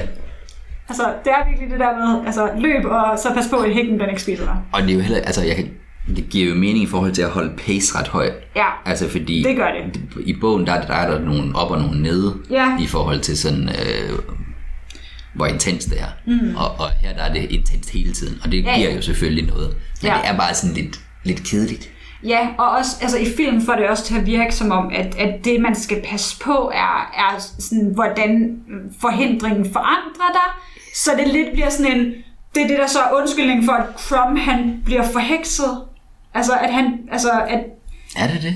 nej, altså, jeg, jeg føler, fordi der bliver, der bliver sagt et eller andet med, at... Øh, man, jeg, kan ikke huske, det, jeg tror, det er Dumbledore, der siger et eller andet, med, at man skal passe på. Øh, Det er faktisk rigtigt. at, at man at under den her konkurrence kan man forandre sig. Eller jeg kan ikke huske, hvad han siger. Han siger Ej, men et der er noget med, at der hentyder til- labyrinten kan påvirke dig Ja, psykisk. præcis. Og, og det virker lidt som om, at det så er det, vi skal tro, der er ja, okay. Crum, indtil Harry siger, at han det kan i virkeligheden godt være, ja. Og det, altså, ja, det virker bare lidt som om, det er det, der er det farlige ved den. Ja. Og ikke så meget, hvad de nu har proppet ind i den. Som så i filmen er ingenting. Øh, hvis vi skal gå videre til nogle andre ting, ja. så, øh, så synes jeg heller ikke, øh, Barty Crouch Jr. rigtig fungerer. Mm. Øh, den er også svær, Ja, men, men den der øh, ting med tungen, det, jeg kan godt forstå, det er det, man gør, men, men, men man kunne have håbet på, at de var kommet på noget bedre. Ja, altså for det er det der med, der skal være et eller andet Ja. telltale sign, ikke? Som, som ligesom afslører ham over for Barty Crouch ja. senior, må det så være. men, men ja, altså jeg har det sådan lidt, jeg synes, altså jeg kan ret godt lide David Tennant som skuespiller, mm. og jeg synes da egentlig også, han gør det okay. Øhm, Ja, her, men, jamen, det- men altså med den begrænsede scenetid, han nu har. Men, men altså, udover det, så altså, den der ting med, altså det er jo bare sådan en finurlig, sjov, mærkelig ting, jeg har puttet på, ikke? Øhm, Men jeg vil så, altså, det er sådan lidt irriterende, men det er så, hvad det er. Ikke? Men, men jeg synes, det der er rigtig ærgerligt ved hans karakter, det er, at øh, husalfen Winky ikke er med. ja, Øh, fordi, som jeg faktisk også sagde i det afsnit, husker jeg det som om, så, så giver det ingen mening, At hvor, han- hvorfor Barty Crouch er til VM i mm. Quidditch. Nej, men du får jo heller ikke hele den Han er der med, altså hele hans, det der med, at så var han i, i, Azkaban, og hele det der, du finder jo ikke ud af, hvordan, altså, Nej, man får slet ikke hans historie. nej, altså han er, han er bare sådan en karakter, der plus, pludselig er der. Ja, Øh, sådan en, en dødskadist, der bare var der. der bare var der. Præcis. Og, og, og det er simpelthen så ærgerligt det der med, at, at altså, du kunne jo fint have præsenteret Winky op i den der øh, bås, og, og nå, men han er der ved siden af. Altså, så meget mere skulle man heller ikke have Nej. for ligesom at forstå, hvad det var, der foregik, og hvorfor han var der. Nej, præcis. Og så er han bare lige pludselig slendret sådan lidt, øh, og det er lidt hyggeligt at gå her. Ja, Og så Mos Mordre, og så... og så var det det. Ja. Ja. Um, det, det er bare... Mm. Det, er, det er sådan lidt sløset, synes jeg. Ja, Altså det er sådan... Og, og det er at ligegyldiggøre noget, der faktisk er ret vigtigt mm-hmm. for historien. Og hvis vi skal fortsætte i samme genre, så er det også irriterende, at vi ikke får lov at se Quidditch World Cup. ja, Det, altså igen, det vil også tage lidt tid, mm. men det vil bare også være fedt.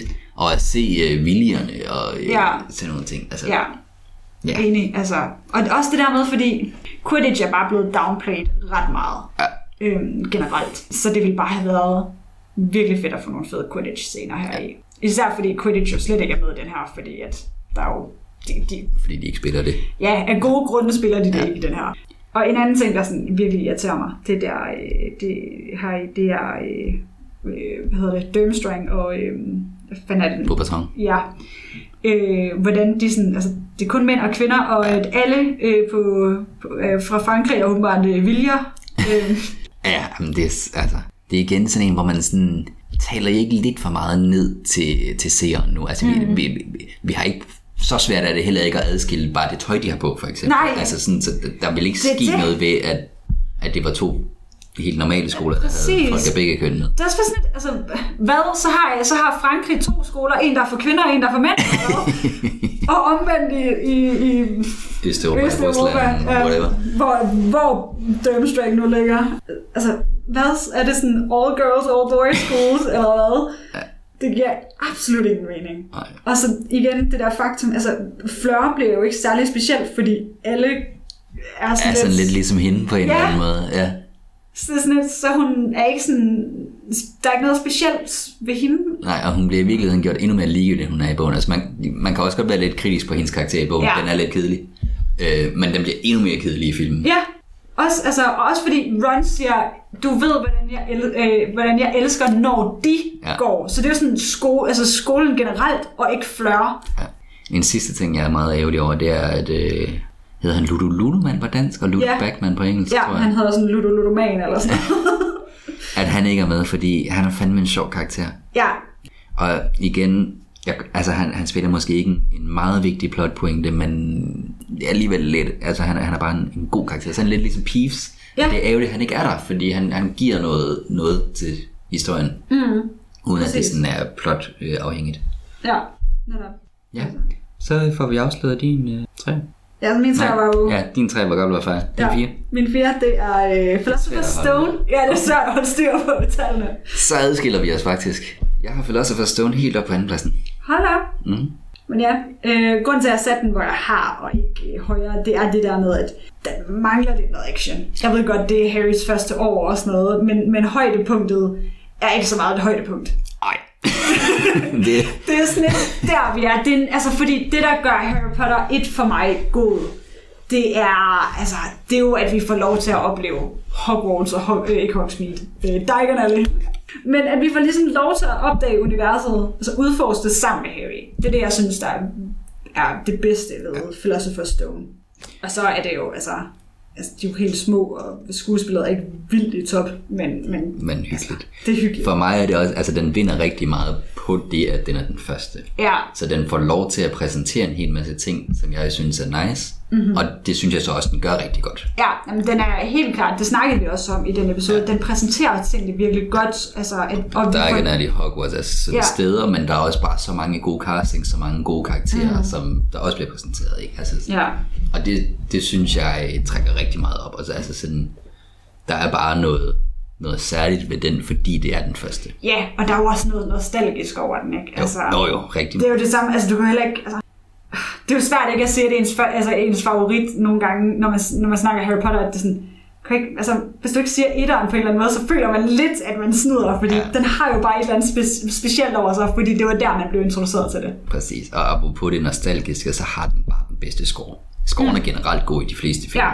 Alle film måske i virkeligheden. Men det er den, der startede det, og den har altså også lige en tand bedre end de andre, Ja, synes jeg. helt enig. Og det er også, altså, det, og det er også noget, der virkelig trækker på sådan det nostalgiske mm. nu. Altså sådan det der med, at der, der er bare noget musik, som ja, bare er barndom også. Mm. Ja. Hvis vi skal tage sådan det mere kritiske, mm. så, øh, så, så synes jeg måske, den lider lidt under, at bogen også er sådan lidt fragmentarisk. At hun har, øh, Jo- øh, J.K. Rowling, hun har øh, hun nåede at nedredigere den ret meget, før hun fik den solgt. ja, Så på den måde er der nogle ret store tidsspring. ja, Og det gør sig også gældende i forhold til i, i filmen selvfølgelig. Mm. Så på den måde er der ikke sådan helt den samme sammenhæng, som der er i nogle af de andre film. Der er også væsentligt dårligere sammenhæng i nogle af de andre film, men, mm. men det synes jeg trækker lidt ned. ja, Og så synes jeg, det der trækker meget ned, det er omkring, øh, omkring udfordringerne til sidst. Jeg, det- udfordringer er ikke det rigtige ord, men vi ved, hvad vi snakker om. ja, altså, Øhm, og jeg synes, det er super ærgerligt, at Snapes ting ikke er med. enig, den fordi- er jeg virkelig ked af, ikke er med. Altså, jeg er med på, at man godt kan have en idé om, ej, men det bliver kedeligt for børn. Mm. Men, men så tror jeg simpelthen bare, at man ikke er ambitiøs nok. Altså, mm. det, det kunne man helt klart godt lave spændende. Ja. Og så ville man slippe for, at man skulle gøre øh, Ron til en idiot hen ved øh, slagpoplen. Nej, ikke slagpoplen. Nej, øh, Den anden det- plante, der er øh, farlig. Det hedder det djævelslyngel på ja, dansk. ja, det gør det. Så ville man slippe for det, fordi øh, Hermione kunne være sej hen med den task, hun er sej i Ja. bogen. Ja. Og så er det bare en fed udfordring. Ja. Øhm, og så den sidste ting, der er sket, det er, at øh, de gør Harry til morder. Ja. Og det ved jeg ikke om, altså, at de, det, det forstår jeg faktisk ikke helt, de ikke har tænkt over, men det der med, at han så aktivt griber ud efter Quirrells ansigt, det er altså ikke, Nej, fordi det er det, han, han opdager, at der sker noget, der er rør ved ham, og så kigger han lige på sine hænder og op på Quirrell, og så ellers bare... ja, og Altså, det, det- det, det er trækker sådan bare noget, noget fra øh, Expelliarmus i fireren, ikke? Altså, Hvorfor rører du ham ikke bare på den anden side? Voldemort gør et stort nummer ud af at sige, at han kan røre ja, ham. det, det var ikke, altså min pointe var det der med, altså Expelliarmus, der ligger jo i det, altså jeg angriber ikke, jeg forsvarer. Ja, det er rigtigt. Sådan afvæbnende. Ja. Og det, det holder altså ikke helt til der. Og det, det synes jeg er en, altså det er jo til at se forbi. Ja. Men når man først ved det, så synes jeg, det er en meget stor. Ja, enig. Og så er det jo også bare altså, en 11-årig dreng, der... Øh, Ja. altså, det, det, det, skrid, altså, det strider også bare mod alt, hvad Harry han er. Ja. Altså, Men hvorfor har du den under, øh, altså dårligere end Half-Blood Prince og Goblet of Fire? Jamen, jeg tror, for mig, der er det, altså, det er ret meget det der med, at, at det er meget det der med, det er nostalgi for mig, der, der gør, at jeg synes, den er så god, som den er. Ja. Øhm, Og det er ikke filmen på filmens præmisser. nej, præcis. Altså, fordi actionmæssigt er det jo, altså, er den jo den, der har mindst action et eller andet sted, ikke? Ja. Ja. Altså, der er jo ikke ret meget i den, og så er det... Og selvom den følger bogen ret godt, så ved jeg bare ikke, altså, jeg, jeg kan godt lide den, men, men så godt kan jeg heller ikke lide den. Jeg kan ikke rigtig sætte ord på, hvor, at, hvorfor den måske ikke er helt lige så god. Fordi det er ikke fordi, der er, sådan, er så mange ting, der irriterer mig. Jo, der er der ting, jeg vil ønske var med. Jeg vil ønske Peeves var med. Jeg vil ønske, at øh, Snapes øh, udfordring, der var med. Øhm, men, men jeg tror også bare, meget af det er bunder i, egentlig bare i, at det er, den, altså, det er den første Harry Potter-film, man har set. Og så er der bare en vis nostalgi, der hænger fast i det. Og jeg tror, det er det, der gør, at jeg synes, den er så god, som den er. Ja. Øhm, og ikke så meget, fordi jeg tænker, åh, der er godt skuespil, eller åh, der er den her specifikke scene, som jeg var helt vild med. Ja, altså jeg kan ikke... Jeg har virkelig svært ved at sige, hvorfor, fordi jeg kan virkelig godt lide Philosopher's Stone, og jeg ser den også oftere, end jeg ser så mange af de andre, men... men Men jeg vil også sige, altså blandt de tre, så jeg, nu ved jeg selvfølgelig ikke, hvad du har på etteren i virkeligheden, men for Nej. mig, Philo- Philosopher's Stone, Half-Blood Prince og Goblet of Fire, de er meget tætte. ja, Altså, det er, det er også på dagen, der lige er en, der skal tage en beslutning. altså hvis du spørger mig om to måneder, så kan det være, at jeg har ændret det fuldstændigt. Ikke? Altså, fordi jeg havde, altså Philosopher's Stone havde også virkelig svært ved at placere, fordi det er den der nostalgi, og hvor meget er, er fordi jeg synes, at, at det er fedt at blive introduceret til Harry Potter-universet hver gang. Mm. Øh, og hvor meget af det er, fordi jeg rent faktisk synes, det er en, en pissegod film. Ja. Jeg, Du må have sagt, at Philosopher's Stone var nummer 4. Ja, og jeg sagde, at Goblet of Fire var 3. Ja. Min tre, det er så Half-Blood Prince. Ja, den har jeg faktisk som min etter, fordi Nå. jeg kan virkelig godt lide Half-Blood Prince. Øh, det ved jeg ikke, hvad jeg gav udtryk for, da vi så den. Åh, oh, det tror jeg. Ja. Ja, jamen, øh, det kan være, at jeg skal starte Ja. med alt det ikke. Nej. øhm, jeg synes, øh, hvis man sådan lige tager et skridt tilbage og sådan kigger på, hvordan plottet hænger sammen, så hænger det bedre sammen, end det gør i de fleste andre film. Ja, og det er også, altså, når man så også lige kommer fra femmeren af, så hænger det absurd godt sammen. Helt sikkert. Så på den måde er det lidt mere helt film, end de fleste andre. Jeg vil så sige, at den, jeg har på etteren, som måske er til at gætte nu, at den gør det lige så godt. Men Ja. ja. det er en helt anden ting. Så synes jeg, det den vinder rigtig meget på for mig, det er, øh, at der er, rigt, der er virkelig mange gode dagligdags ting.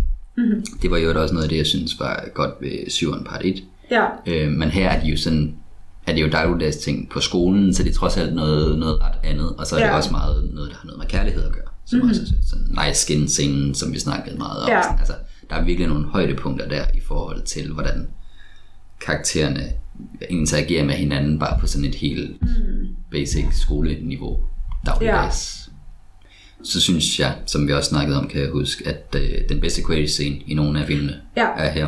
det synes jeg trækker ret meget op i virkeligheden, fordi det er noget, der bliver negligeret meget i mange af de andre film. Ja, og det var også det, vi snakker om, at, at den føles meget mere naturlig her i, Ja. øhm, end, end den har gjort før, fordi der er det Det er meget tegnefilmsagtigt i de tidlige, Ja. for eksempel. Ikke? Altså, Og, og det virker også, altså, selvom, at der, selvom den er, altså, der er sat en scene for den og sådan noget, og vi ved, altså Harry træner op til det og sådan noget, det ser vi også, så virker det bare stadig en lille bitte smule malplaceret nogle gange.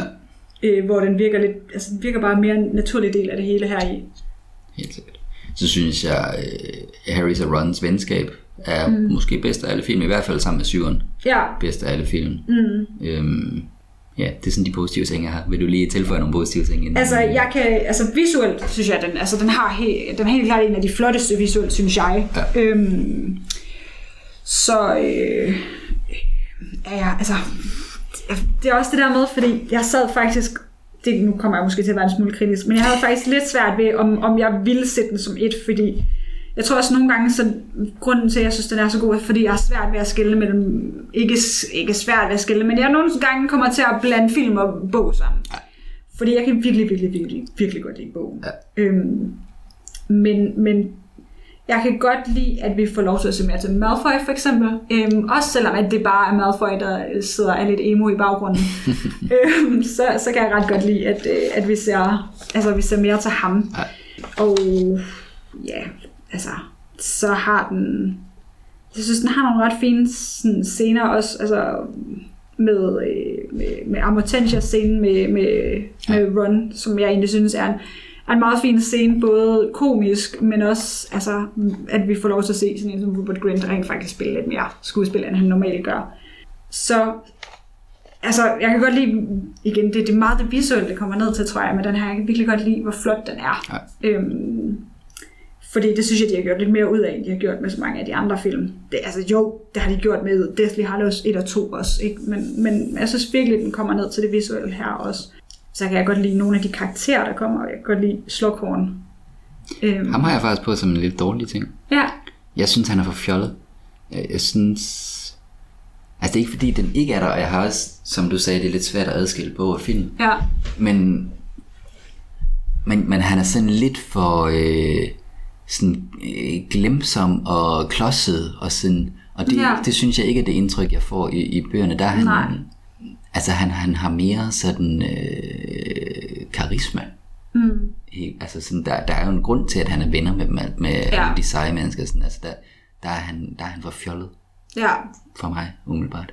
Det er egentlig ikke fordi, altså jeg synes, Jim Broadbent spil, den rolle, som de har besluttet sig for, at han skal spille, spiller han ret godt. ja, ja. Men jeg synes bare, der er nogle valg, der er taget, der er forkerte. Ja. Jamen, det, kan, altså, det kan jeg godt forstå et eller andet sted. Øhm, jeg kan ikke huske, det vil være noget tid siden, jeg har læst øh, Half-Blood Prince, så jeg kan ikke helt huske, hvordan Slughorn er. Men jeg synes også, de har fået nogle af de der karakteristika fra bøgerne med. Altså hans mere Slytherin, jeg udnytter øh, situationen. Øh, Det er rigtigt. Han vinder stadig som den der øh, Slytherin-karakter, der stadigvæk er normal ja, som, altså, som jo ikke er øh, decideret ond. Ja. Altså, Som de Som- meget er. Ellers, ja, fordi altså, det, ellers er det jo det indtryk, du får i filmen, Ja. at Slytherin, alle Slytherins er onde, alle Gryffindors er gode, Ja. lige med undtagelse af Pettigrew. Øhm, men, men ja, fordi ellers så synes fordi altså, vi ser jo den scene, der, øh, da han er, da øh, Felix Felicis scene, som jo også er en, en genial scene, Ja. øhm, hvad hedder det, hvor, hvor Harry møder Slughorn, hvor han er i gang med at Stjæle nogle blade. Ja, det er nogle blade en eller anden. Jeg ved ikke helt, det er et eller andet fra botanik, han er ved at Ja. Og som er masser af penge værd, som man kan Ja, og øh, hvor han er sådan lidt, Harry spørger og siger sådan, Nå, det de her, det, er det ikke noget med, at de er meget værd? Og Slughorn siger, jo jo, det koster det her, men ikke, ikke, ikke, at, øh, ikke at jeg sådan tæller eller noget. ikke? Ja, ej, det er meget Slytherin, det er rigtigt. Ja, altså han, han, han udnytter lidt situationen, at han er på Hogwarts til at kunne gøre de her ting og kunne stille det videre. Det var det samme, da det så er, at de kommer ned og ser, øh, hvad hedder det, at øh, kommer ned til Hagrid, hvor Ja, han står, ja, og er ked af det over Aragog. Det udnytter han jo også. Altså, han udnytter, Og Jeg husker ikke, som om det er med i filmen, men i bogen, der er der også noget med nogle øh, enhjørningerhår nede ved Hagrid, som Ja, ja, også det- tiltusket sig nogle af. Og så. ja, ja, altså han, han, han er jo snu nok. ja, det må man sige. Øh, Ja, mit store men med den Ja. her film, det er, øh, det er minderne. ja, det er... Øh, og vi det, snakkede om, at de var virkelig flotte, og det er jeg helt enig i. Ja. Altså, de er virkelig de er eksekveret på en god måde. men vi får, vi får simpelthen ikke nok med. Nej, fordi vi ved ikke, altså, der er bare ikke rigtig nogen forklaring for, hvorfor for eksempel det Hufflepuffs kop, der er, øh, der er en Horcrux. Det er Det er rigtigt. bare sådan, Det, det er den bare. det er den bare. Og vi får slet ikke sådan, altså, at vi møder ikke uh, Morphin og Merope, mm-hmm. onkel og mor til Voldemort. Nej, Uh, vi møder vel ikke engang heller uh, Gaunt, nej, nej, det gør vi ikke. uh, morfar. Altså sådan, at de, de er fandme ærgerlige. Altså, det er jo nogle karakterer, der er øh, vildt vigtige, men som også bare kunne være sjove at se. Ja, og det, altså, det er jo også dem, der sådan ligesom forbinder altså, Voldemort i toren med den Voldemort, vi ser senere hen. Altså, vi Præcis. ved jo, at Voldemort er Slytherins arving, men vi ved ikke rigtig, hvordan. Og det er jo det, der bliver forklaret i, Ja. i, i de minder, Og så der... giver det ham også en lidt mere tragisk historie på en eller anden måde, ikke? Altså, hvor sådan som vi får det præsenteret i de minder, vi ser, så er han bare en fucked up barn. Altså, Ja, han er bare et ondt barn på et bør- børnehjem, ikke? Altså, det er jo grund grund, det han er. Ja. Øhm, og, og der får man alligevel en hel del mere kontekst. Og så synes jeg også, der er noget i sådan hele øh, Dumbledores arbejde med at indsamle det, og der, øh, sådan de samtaler, Harry og Dumbledore har om minderne bagefter. Mm. Sådan, der er noget, det er også lidt nørdet i virkeligheden, men, men der, er noget, der er sådan en tilgang til kilder, som er ret interessant, synes jeg. Sådan, Ja. som, nu har jeg ikke læst historie, men jeg kunne, altså sådan, der er et eller andet akademisk tilgang i den måde, vi øh, opnår viden på, mm. som jeg synes var ret, ret spændende. Ja. Mm, Altså, det er jeg ret enig i, og jeg er også vildt ked af, at man ikke har, altså, man har skåret de, de andre ud. Øhm, fordi da jeg, også, da jeg snakkede om minderne i forbindelse med Harry Potter, øh, Half-Blood Prince, der var det også det visuelle, jeg valgte at fokusere Ja, ja, på. helt sikkert. Fordi at de er flot lavet, men, men det virkelig træls, at, at vi ikke har fået, fået de andre med os. Fordi de er bare ret vigtige for, for videre. Der, der er bare rigtig meget information i dem, Ja. som man går glip af. Ikke? Præcis. Øhm, så, så, så det er jeg helt enig med dig i. Altså, en, en anden dårlig ting er jo, som vi også, det har vi jo nævnt, øh, at, at Snape, er- eller det nævnte vi i sidste afsnit, at, øh, at Snape han, øh, han bliver skåret rigtig meget ud i den her film. Ja. Altså taget betragtning af, hvor, hvor altså, han er titelkarakteren. Ja, altså sådan, hans afsløringer, det føles sådan lidt hægtet på på en eller Ja. anden måde. Vi er også nødt til at få det sagt, men, vi, men hvordan skal vi gøre det? ja. Og også det der med, at, altså, at, at Prince kommer fra hans mor. Ja, ja. Hun, altså, det ved vi heller ikke noget om. Og hele sådan øh, Hermiones sådan, opklaringsarbejde i forhold til, hvem det er. Og sådan, Ja, altså hun får bare sagt, jeg har prøvet at kigge på biblioteket, der var ikke nogen. Færdig. ja, jamen, helt sikkert. Så altså, Og i, i forbindelse med øh, Snape og afsløringen af, øh, af, hvem han er, så synes jeg også, at slutningen er lidt skuffende. ja. Altså, hvis, hvis vi starter med, at jeg, jeg synes, det er lidt ærgerligt, at man ikke har den kamp i, i, slutningen, som er i slutningen af bogen. Mm. Jeg forstår godt, at det er så fordi, der også er en kamp i slutningen af syveren. De var bange for at gøre lidt det samme. Ja. Man kan så baseret på kampen i slutningen af syveren rimelig hurtigt øh, afsløre, at det kunne de fint have gjort, uden at de havde ramt det samme. Ja. øhm, det synes jeg er ret ærgerligt, fordi det, det føles sådan, det føles lidt flat, Ja. synes jeg, fra de løber. Øh, Ja, og, det, det, og altså også bare det der med, altså, det virker bare, det virker bare så, lige den, altså slutningen er jeg helt enig med dig i, det virker sådan lidt halvhjertet.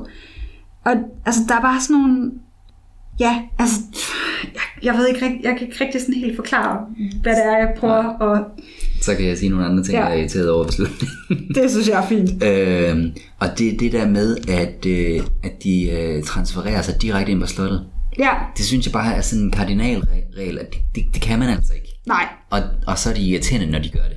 Ja, Fordi det, det havde ikke krævet specielt meget, at det var på en anden måde. Mm.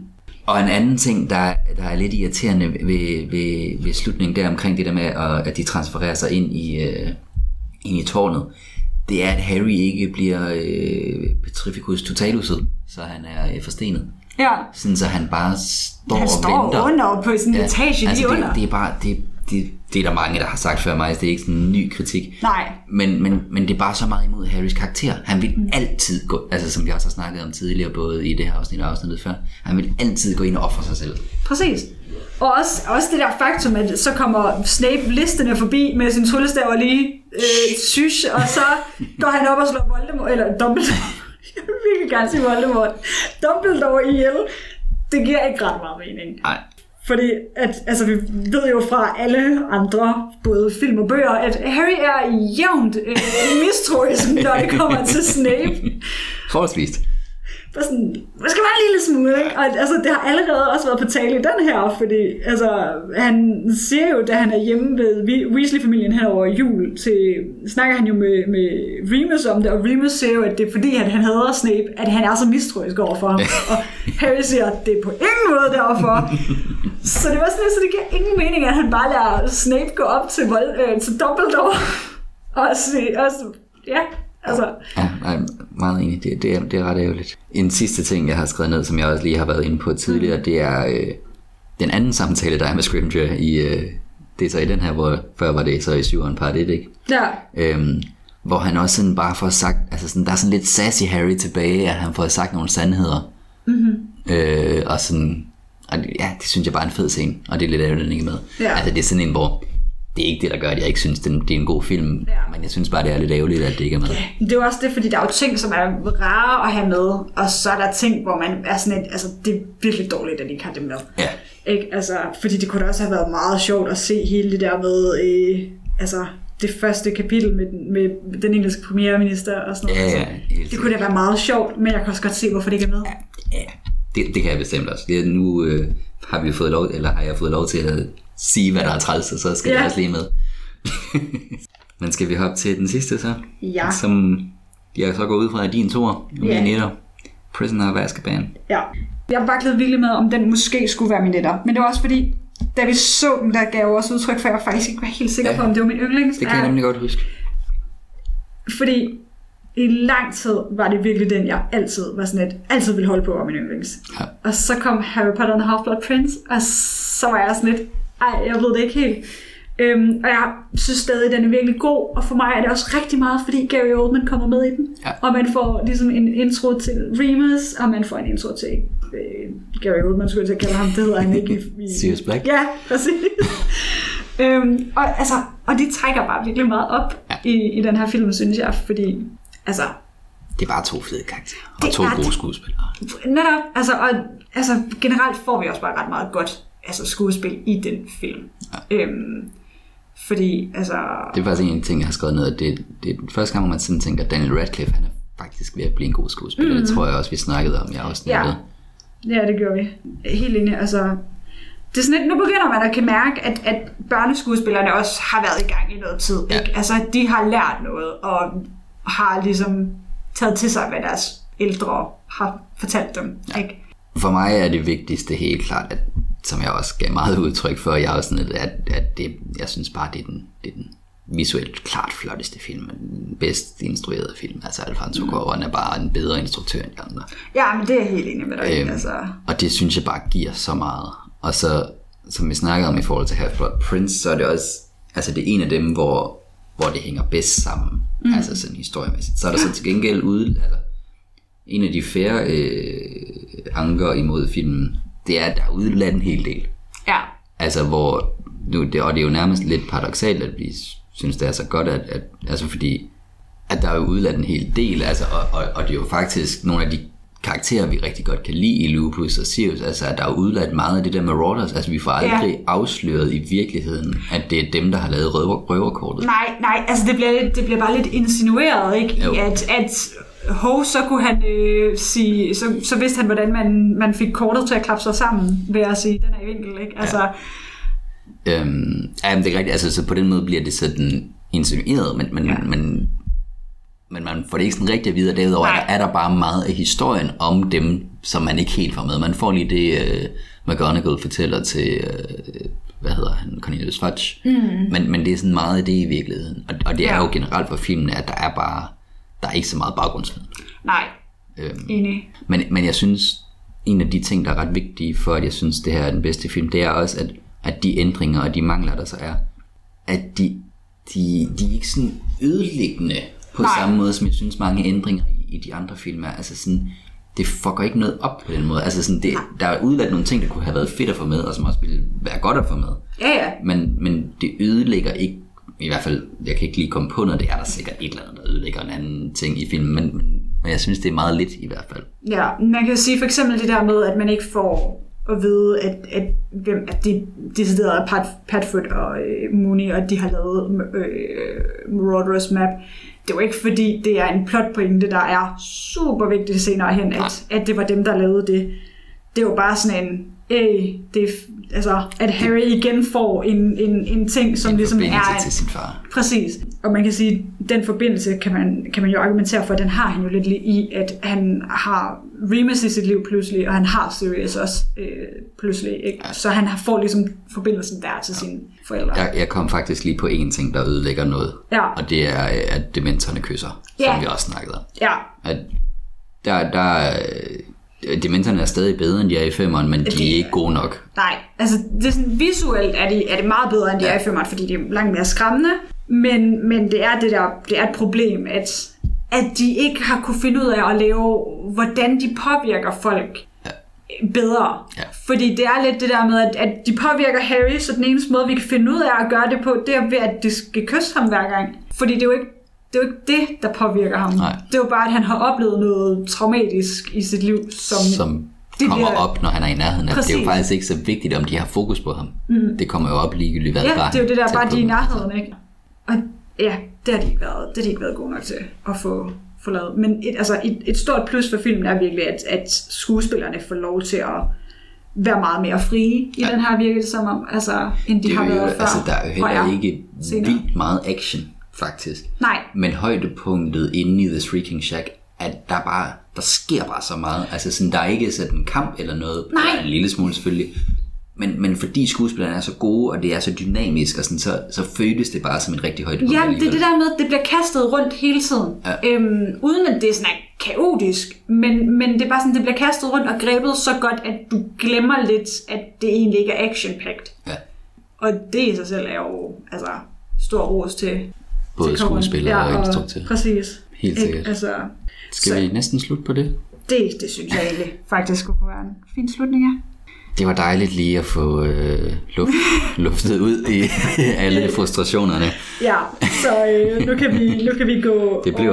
Nej, undskyld. Ja, jeg synes bare, jeg vil bare sige, det, nu kan vi gå all in på at være positive over for øh, Fantastic Beasts. Ja, som vi forestiller os, øh, der kommer nogle afsnit med. Ja, Så det bliver et øh, farvel efter ni afsnit, må det næsten blive, ja det må det vel på otte film og syv Ja. historier. Det har sgu været sjovt. Ja, det har det. Jeg, har- altså, jeg vil sige, jeg har ikke, jeg har ikke fået en ny tilgang til filmen, men, men det har været rart at prøve at se den med nogle positive øjne. Jeg tror fald, jeg har...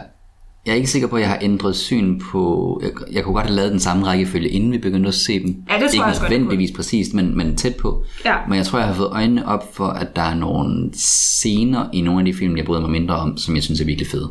Ja, man får, man får øjnene op for, at det ikke altid...